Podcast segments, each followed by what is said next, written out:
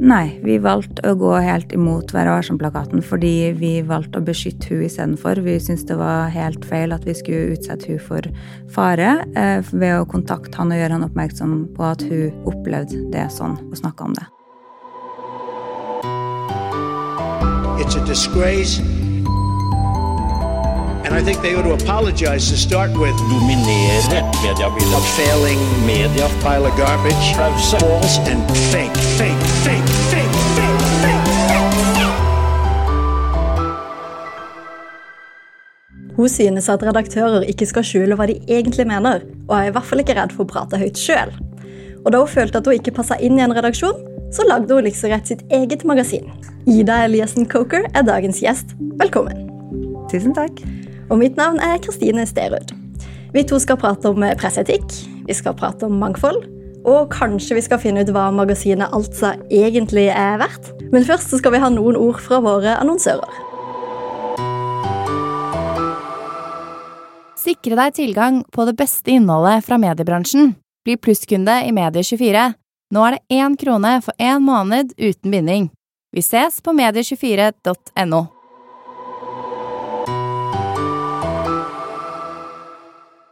Ida, du er jo sjefredaktør i magasinet Altså, og du er jo utdanna journalist. Men det tok noen år før du starta å jobbe med journalistikk. Hva var det som skjedde? Og det var masse sånne kjedelige praktiske årsaker som gjorde at jeg ikke studerte ferdig når jeg holdt på når jeg var yngre. Eh, og så gikk jeg liksom alle årene jeg drev på med andre spennende ting, så gikk jeg likevel med en sånn gnagende følelse av at jeg skulle egentlig vært journalist. Det var det jeg skulle gjøre. Det var det jeg egentlig tenkte på på videregående. Og ble liksom litt sånn bitter av det. Og så måtte jeg bare ta noen grep og, og satse på det i 2015. Hva var det du gjorde da? Eh, Da bestemte jeg meg rett og slett bare for å satse som frilansjournalist. Og jeg ville ikke jobbe for ett sted heller, fordi jeg hadde veldig sånne ulike ideer og interesser som ikke ville ha passa inn um, et sted. Pluss at hverdagen gikk ikke opp med en type fast jobb hver dag med små barn. Så da var det mye bedre for meg å være frilansjournalist. Og det gikk veldig, veldig bra.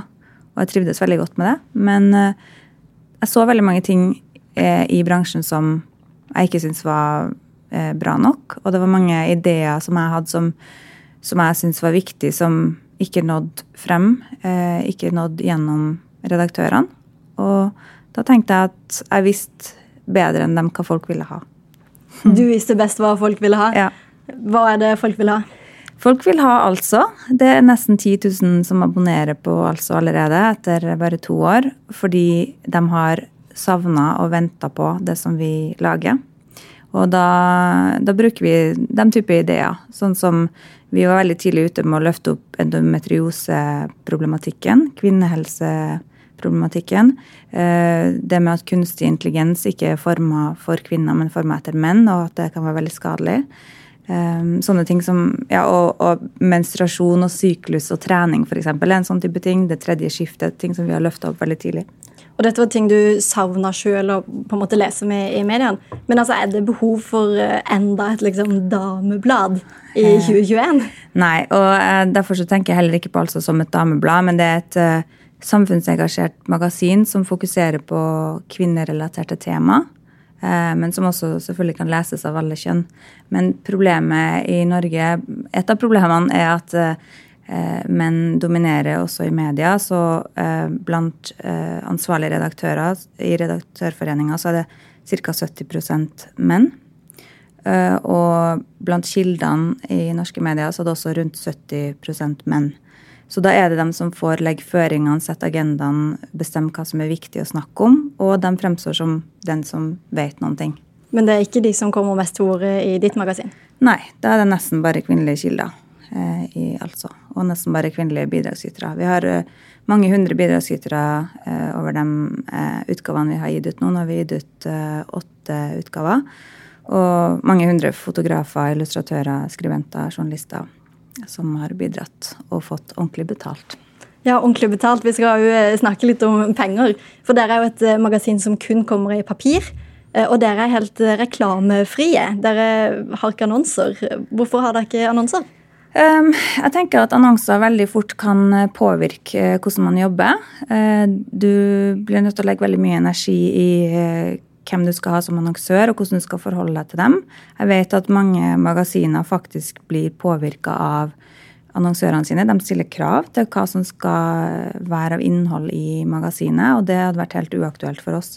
I tillegg så hadde det vært veldig dumt å å si mot sitt eget budskap på neste side med en annonse som sier det motsatte, eh, hvis du skjønner. Men hvis du er redaktøren i dette magasinet, så er det vel du som bestemmer hvem du vil ha inn som annonsører? Jo, det finnes nok eh, også mange gode annonsører som vi kunne ha valgt, men vi regna på det, telt på knappene og fant ut at det ville, da ville spinninga gått opp i vinninga hvis vi skulle hatt en annonseselger som skulle da ut og finne bare de mest etiske annonsørene som vi kunne stå for. For det er veldig viktig for oss å ikke bidra til økt forbruk og ting som er klimafiendtlig. Så vi driver ikke og, og sier til folk hva de burde ønske seg å kjøpe nå og sånne ting. Um, men da fant vi ut at da hadde vi kommet til å fått inn såpass lite penger at det ikke ville ha gjort noe særlig forskjell for eh, budsjettet vårt. Og så, Vi var fortsatt ikke helt sikre på at vi alle skulle ha reklame, men når vi lanserte og hadde annonsefritt, så så vi når vi spurte folk at det var noe de satte aller størst pris på. De satte mye mer pris på det enn vi trodde de skulle, og kanskje mer enn de sjøl trodde de skulle. Det gjør produktet veldig rent og ikke minst visuelt eh, vakkert. da, At man slipper å eh, bli avbrutt av, av eh, reklamer som ikke passer inn. Ja, Men når dere ikke har eh, annonser, hvor er dere får penger fra? Går dette rundt? Det, Ja, det går nesten helt rundt nå. Eh, Vi trenger noen flere abonnenter. Vi har vært sittet tilbake ganske mye med at eh, vi ikke får annonsere på Facebook og Instagram sånn som vi gjorde før. Eh, Så vi trenger nye måter å nå folk på. Eh, Men vi er virkelig veldig nære på at det går helt rundt. Eh, Og vi tenker jo at det er naturlig at den som vi lager produktet for, betaler for det, og at vi liksom slipper den derre mellommannen med annonser. da, Sånn at vi lager produktet for leseren, og det er ene og alene det vi tenker på. Og, og vi ser jo at det er økt betalingsvilje digitalt. At folk vil betale for godt innhold. Og da satser vi på at de også vil ha det for et printmagasin. Men da er det kun eh, abonnenter dere tjener på. Ja, og så har vi fått en god del støtte fra Fritt Ord. Vi starta med 200 000 før vi, før vi satte i gang, som var en, på en måte en, en um, utløsende, faktor for at vi turte å satse. da. Og så får vi um, gode beløp uh, stort sett hver gang vi søker om støtte til en utgave. Så de støtter journalistikken i, i de fleste utgavene. Eh, Og så har vi ikke søkt om pressestøtte siden vi ikke kommer ut ofte nok, da. Men eh, det er noe vi skal se litt på. Så syns vi også det er litt komisk at Innovasjon Norge ikke engang vil på en måte nesten ikke snakke med oss for det om eh, Vi har vært nominert til Årets nyskapning, og jeg har vunnet pris for Årets nyskaper av Oslo Redaktørforening. Men Innovasjon Norge klarer ikke å se at det er innovasjon. Jeg tenker fordi det ikke er digitalt, sikkert. Dere vant jo også en pris for ikke så lenge siden på, på Ja. NBL. Ja, vi fikk eh, prisen for Årets magasin, så det er jeg veldig fornøyd med. Mm. Så du merker at eh, noen steder så er det på en måte lett og stor betalingsvilje, mens andre vil ikke nødvendigvis støtte prosjektet deres. Og du vil jo ikke nødvendigvis ha disse annonsepengene, men i fjor så kan man vel nesten si at du har takka ja til aksjepenger. For det ble jo en eh, svær sak da dere skulle gjennomføre en emisjon. Altså at dere solgte aksjer fra selskapet deres. Og da fikk du bl.a. kritikk fra Gunnar Stavrum i Nettavisen. Hva var det som skjedde da? Nei, jeg tror det som skjedde, var kanskje at Gunnar Stavrum kjeda seg litt på hytta, for å være helt ærlig. det var i sommerferien, og han skrev altså en kommentar som var så hårreisende at det egentlig burde vært klagd inn for PFU, for det var eh, Nå er det jo et år siden, men jeg mener jeg husker at det var 14 faktafeil, skråstrek løgner, om eh, meg, Sigrid Bonde Tusvik, altså. Um, og han prøvde på en måte Nå er jo ikke Gunnar Stavrum her til å på en måte forsvare Nei. sin del av saken. da. Men, hvis man på en måte skal oppsummere altså, Dere fikk jo kritikk fordi dere hadde verdsatt eh, selskapet deres veldig høyt, mente han. Ja, han mente 25 millioner, mente han at det var veldig, veldig høyt, da. Eh, og det tror jeg bare handla om at han ikke syntes vi skulle komme her og synes at vi var noe. For det 25 millioner er ikke mye penger når man ser seg rundt på hva andre selskaper gjør, og hvordan de setter. Eh, når det er tech-selskaper, så setter man jo bare et tall, liksom. Og, Men var det det du gjorde? Satt du bare et tall og tenkte dette syns jeg? Nei. Det var veldig grundig utarbeida tall som vi hadde kommet fram til. Men nå Men nei, det, bare sånn for å gå litt tilbake til det, for Du sier at 25 millioner kroner ikke er så mye penger, men det høres jo ut som mye penger for et magasin som bare så vidt går rundt. Ja, men eh, nå hadde vi jo ikke fått de problemene med Facebook ennå, så vi hadde jo enorm vekst. Eh, og det er jo eh, ikke mye penger når man driver noe. Når man driver et selskap, så går pengene veldig fort eh, frem og tilbake, og plutselig så er ikke 25 millioner så mye lenger. Men dette er jo et år siden. Altså, hvor mye er dere verdt nå? Nei, det har jeg ikke sett på. Men eh, vi håper jo bare at det går tilbake til der det var. Da, at, eh, at vi fortsetter å, å vokse sånn som vi gjorde. Og vi har jo fått så mange anerkjennelser også siden da. Mye som taler for at det skal gå bedre. Men de som da valgte å investere i dette og, og kjøpe aksjer, hva er det de får igjen? Ikke noe akkurat nå i penger, men det har vi heller aldri insinuert. Vi har gått egentlig i mindre underskudd enn vi hadde planlagt for eh, så langt, da. Så det er ikke noe forskjell der fra det vi planla. For Dere starta jo for eh, ca. to år siden. og Hva er det dere har planlagt framover videre nå? Hva er målet til altså? Eh, vi vil jo eh, først og fremst at det skal gå rundt i Norge, sånn at vi kan også gjøre flere ting. For vi har veldig mange flere ting vi har lyst til å gjøre. sånn som Vi har så vidt begynt å holde kurs, og så skal vi lansere en debattplattform der vi kan tilby tryggere omgivelser for eh, debatt på ting som har med kvinnesak å gjøre. Og så er jo tanken at vi skal gå til mange andre land, for vi føler at resten av verden også fortjener altså. Men akkurat nå er dere en forholdsvis liten redaksjon. altså Hvem er dere som jobber der? Eh, vi er jo fem årsverk, ja. Mm. Eh, som er en ganske liten gjeng. Men det er jo som sagt, bidragsyterne er jo frilansere, da. Så de som lager magasinet, innholdet, er uh, veldig mange forskjellige folk. Og der er vi veldig opptatt av at vi leter fram folk som ikke vanligvis er i media. Som sagt, det er på kjønn, men vi er også opptatt av mangfold på andre måter. da. Minoritetsbakgrunn. At uh, vi finner de folkene, og ikke bare venter at de skal komme til oss. Ja, for Du sier dette med, med mangfold. Altså, Hva betyr egentlig mangfold eh, for din del? Det er jo mange ting som er viktig, da, men én ting er jo representasjon. Så vi har jo hatt uh, en del uh, ansikter med minoritetsbakgrunn på forsidene våre. Uh, for at folk skal kunne speile seg og se seg sjøl. ikke bare sånne som ser ut som jeg skal gjøre det. Um, og så er det det med å, at man får helt andre innfallsvinkler på ting. Eh, man får, Som leser så får man mange flere nye opplevelser, tror jeg. Hvis eh, de som skriver, har andre perspektiver og bakgrunner enn deg. Men du sier de som skriver. Der er jo en redaksjon som nesten bare består av kvinner. Er det, er det mangfoldig? Eh, nei, det er ikke på kjønnsfronten, det kan du si. Men eh, det er jo noen av bidragsyterne som er menn, da. Men for oss så gjør vi det veldig bevisst for å gjøre opp for den skjevheten som finnes fra før. Men eh, det hadde sikkert vært bra for dynamikken om den neste som vi ansetter, ikke er akkurat sånn som oss, da. Ikke akkurat sånn som dere. Mm. Men du sier jo at dere er opptatt av at dere sitter ikke og venter på at eh, kildene kommer til dere, men at dere mer må oppsøke det mangfoldet sjøl. Mm. Gjør dere det? Ja, det er vel bare å jobbe litt mer med det, da. Ikke ta de letteste, kjente navnene som brukes hele tida, f.eks. Og det gjelder også bidragsytere, da. Både bidragsytere og kilder. At man leter dem opp. At man faktisk spør seg fram, og vi legger mye mer ressurser i det enn vi ellers ville ha gjort.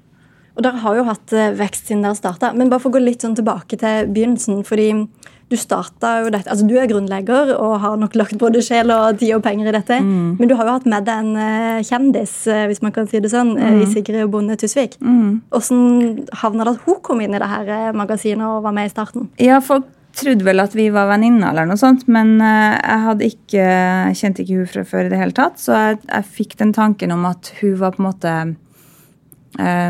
på en måte, hva skal jeg si, personifiseringa av magasinet, som jeg gikk og tenkte på. da, At uh, hun hadde veldig mange av de samme verdiene. også uh, Blant annet det med å tørre å si ifra og tørre å heve stemmen og tørre å være sint når det er noe som er viktig. Um, så jeg skrev en mail til hun som jeg tok lang tid før jeg turte å sende.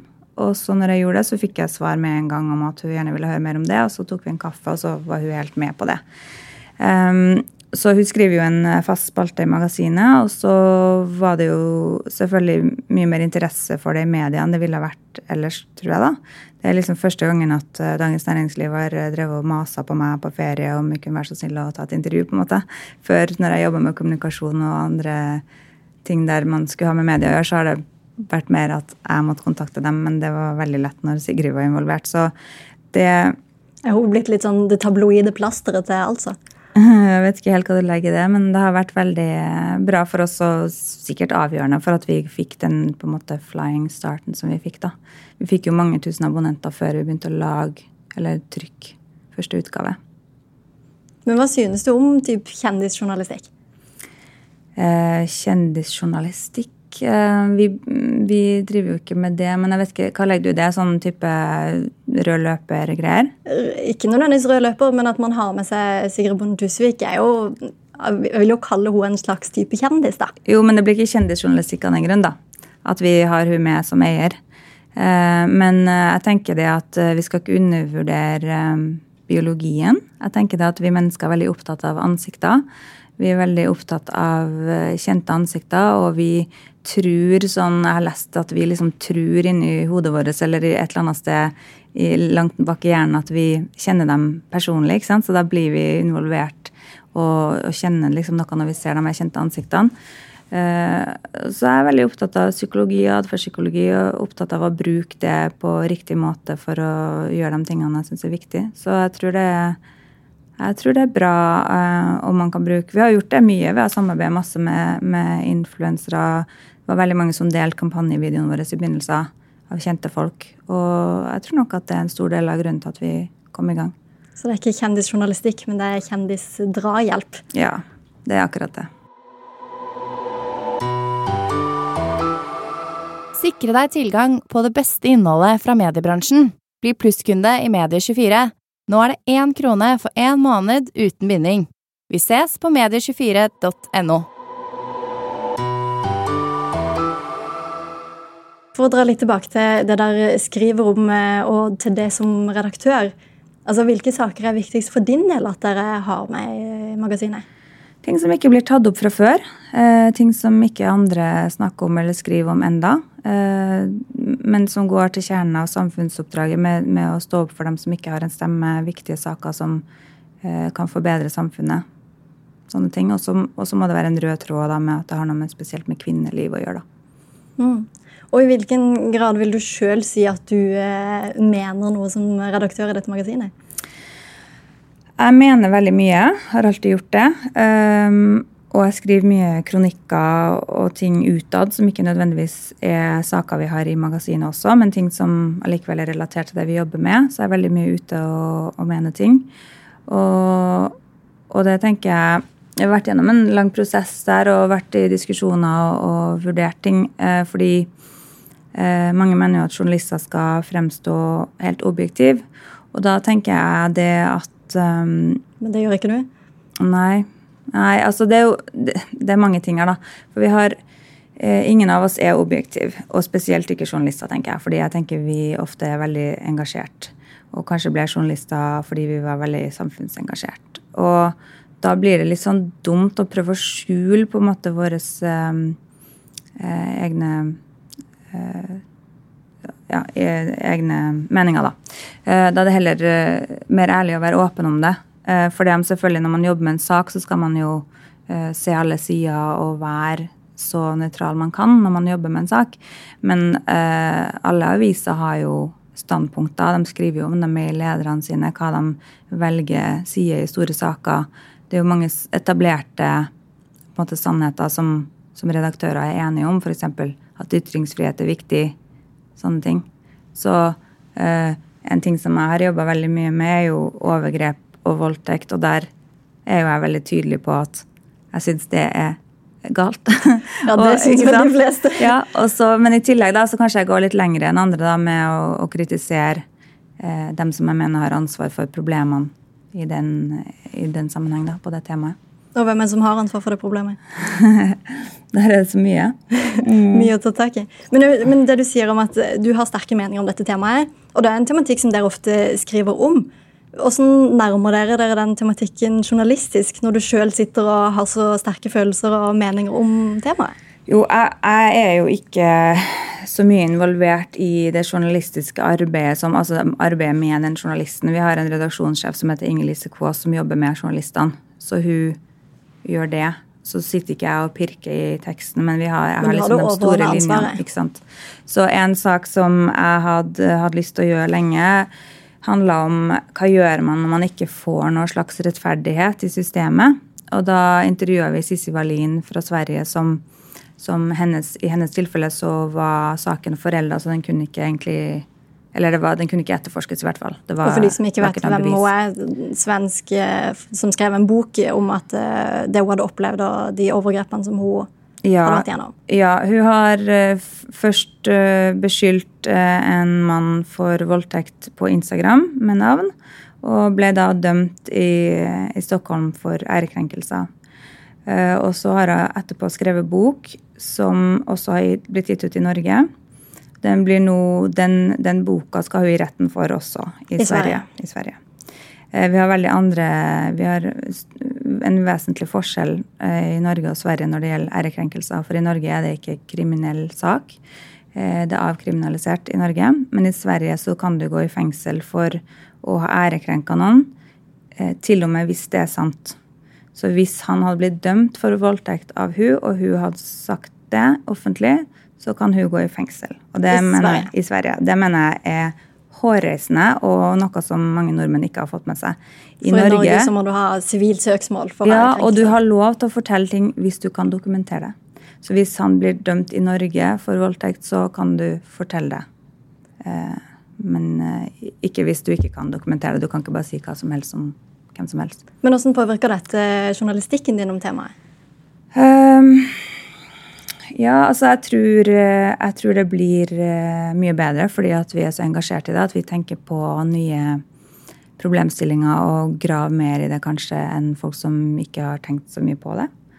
Eh, Men i den serien, eller vi hadde tre caser i den artikkelen, og i den andre så kom det opp en veldig spennende problemstilling fordi vi hadde ei som snakka om en annen påstått eh, voldtektsmann som var helt anonymisert i artikkelen. Dette er en norsk kvinne. Ja, og da uh, snakka vi med Redaktørforeninga, som sa til oss at jo, ifølge Vær varsom-plakaten så må dere faktisk innhente uh, imøtegåelse fra han. Fordi han kan kjenne seg igjen. Og uh, der var det ingen forståelse for at hun faktisk var livredd for den personen. Men Kan vi bare spole litt tilbake og ta, og ta det litt fra starten? da? Så jeg henger meg selv her, merker jeg. For For dere hadde en artikkelserie som handla om eh, voldtekt eh, og overgrep. Og i en av de artiklene så møtte dere en norsk kvinne som fortalte hva da? At hun hadde blitt voldtatt, og så snakka hun om hvordan hun hadde takla det gjennom kunst. Så det var det den, den artikkelen, eller det intervjuet handla om. Eh, så det handla ikke så mye om hva som skjedde rundt det overgrepet, eller om han i det hele tatt, for han måtte vi anonymisere fullstendig. Eh, og da eh, fikk vi da råd, og vi så jo, og vi var enige, at Vær varsom-plakaten sier at du skal innhente imøtegåelse fra, fra den personen for det om de ikke kan identifiseres av noen andre enn dem sjøl.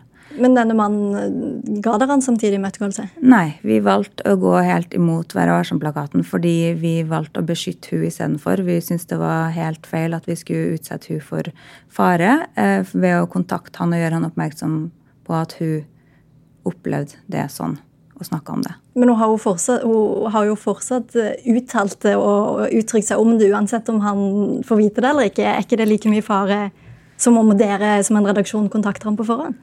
Nei, vi gjorde den vurderinga. Hun gjorde den vurderinga at han eh, nok ikke kom til å få med seg den artikkelen, særlig i et papirmagasin med kvinnelige lesere.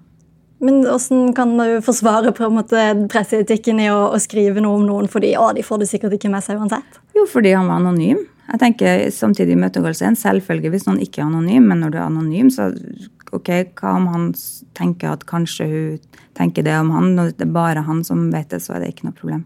Da er det mye viktigere å ta hensyn til hun, fordi man har en enorm gruppe med mennesker som ikke får komme frem med historiene sine hvis vi skal høre på Vær varsom-plakaten. Vi har én av ti norske kvinner som opplever voldtekt. det har jeg regna fram til at det er ca. 250 000. Det er nesten like mange som bor i Bergen. Og de skal ikke få lov å fortelle historiene sine.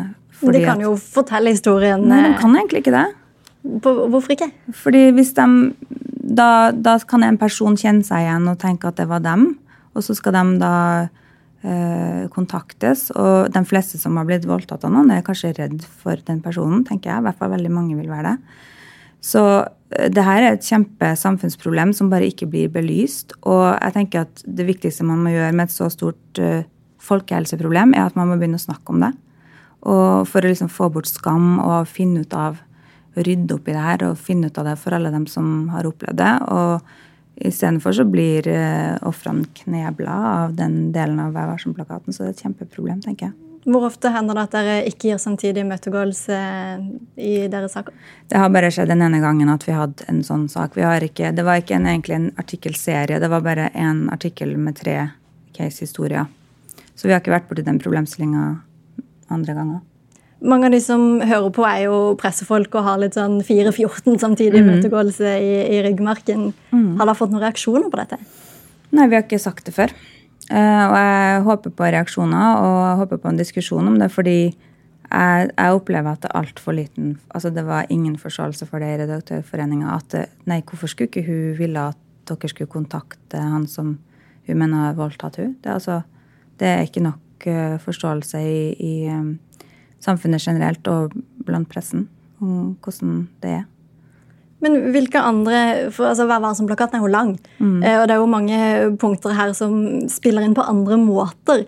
Altså Når dere aldri kontakter denne mannen her, eh, hvordan vet dere at det hun sier, er sant? Kan det Det kan vi, dokumenteres nei, det kan vi ikke vite. Det kan vi ikke vite. Det, det kan ikke vi vite eh, når hun ikke engang har anmeldt det, ikke sant? som eh, ni av ti ofre heller ikke gjør.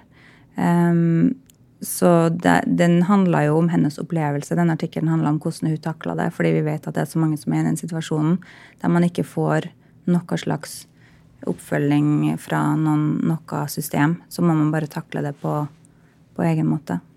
Og det var viktig å få fortalt den historien. Hvorfor var den historien der så viktig å fortelle hvis man ikke kan dokumentere det og ikke følger presseetikken når man publiserer det? Fordi eh, jeg tenker at andre som har vært i situasjoner sånn som hun, kan se på hvordan hun takla det gjennom kunsten og, og bli inspirert av det, og kanskje finne måter de sjøl kan gjøre egen terapi, og sånn at man kan få ut den historia bare. Da er det ikke så nøye sånn sett å dokumentere at det har skjedd, for vi vet jo hvor ofte det skjer, og at det skjer, og den historia virker jo eh, veldig vanlig, på en måte. Ja, Du sier veldig vanlig, men det finnes jo også tall på falske anmeldelser. og Ja. hvordan, men Nei, altså- der må, der, må, der må du vise meg det, for det er veldig, et, noe som brukes veldig ofte i sånne diskusjoner. Det er Jeg kan gi deg tilbake uten å vise deg kilde, da, som jeg har hørt, at det er flere menn som blir voldtatt enn eh, falskt anmeldt for voldtekt.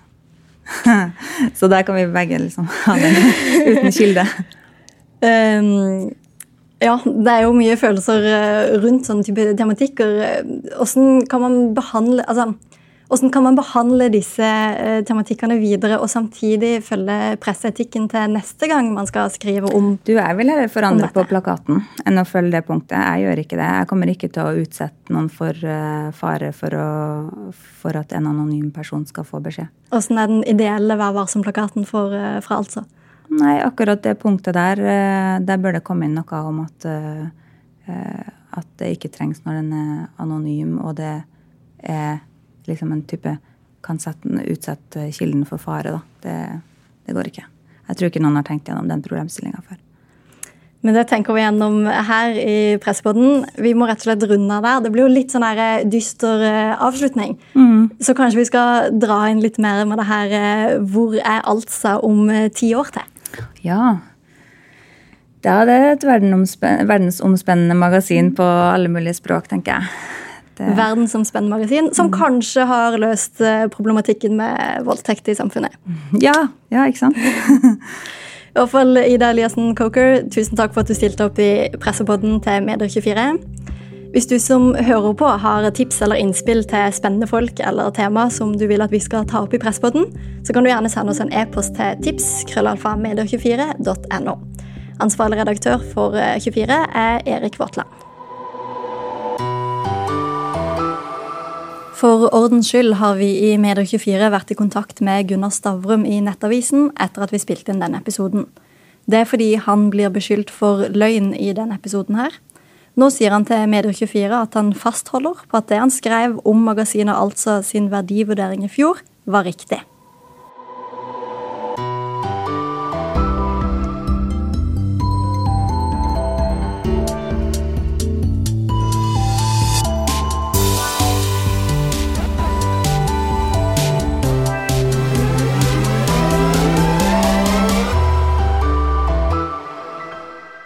Sikre deg tilgang på det beste innholdet fra mediebransjen. Bli plusskunde i Medie24. Nå er det én krone for én måned uten binding. Vi ses på medie24.no.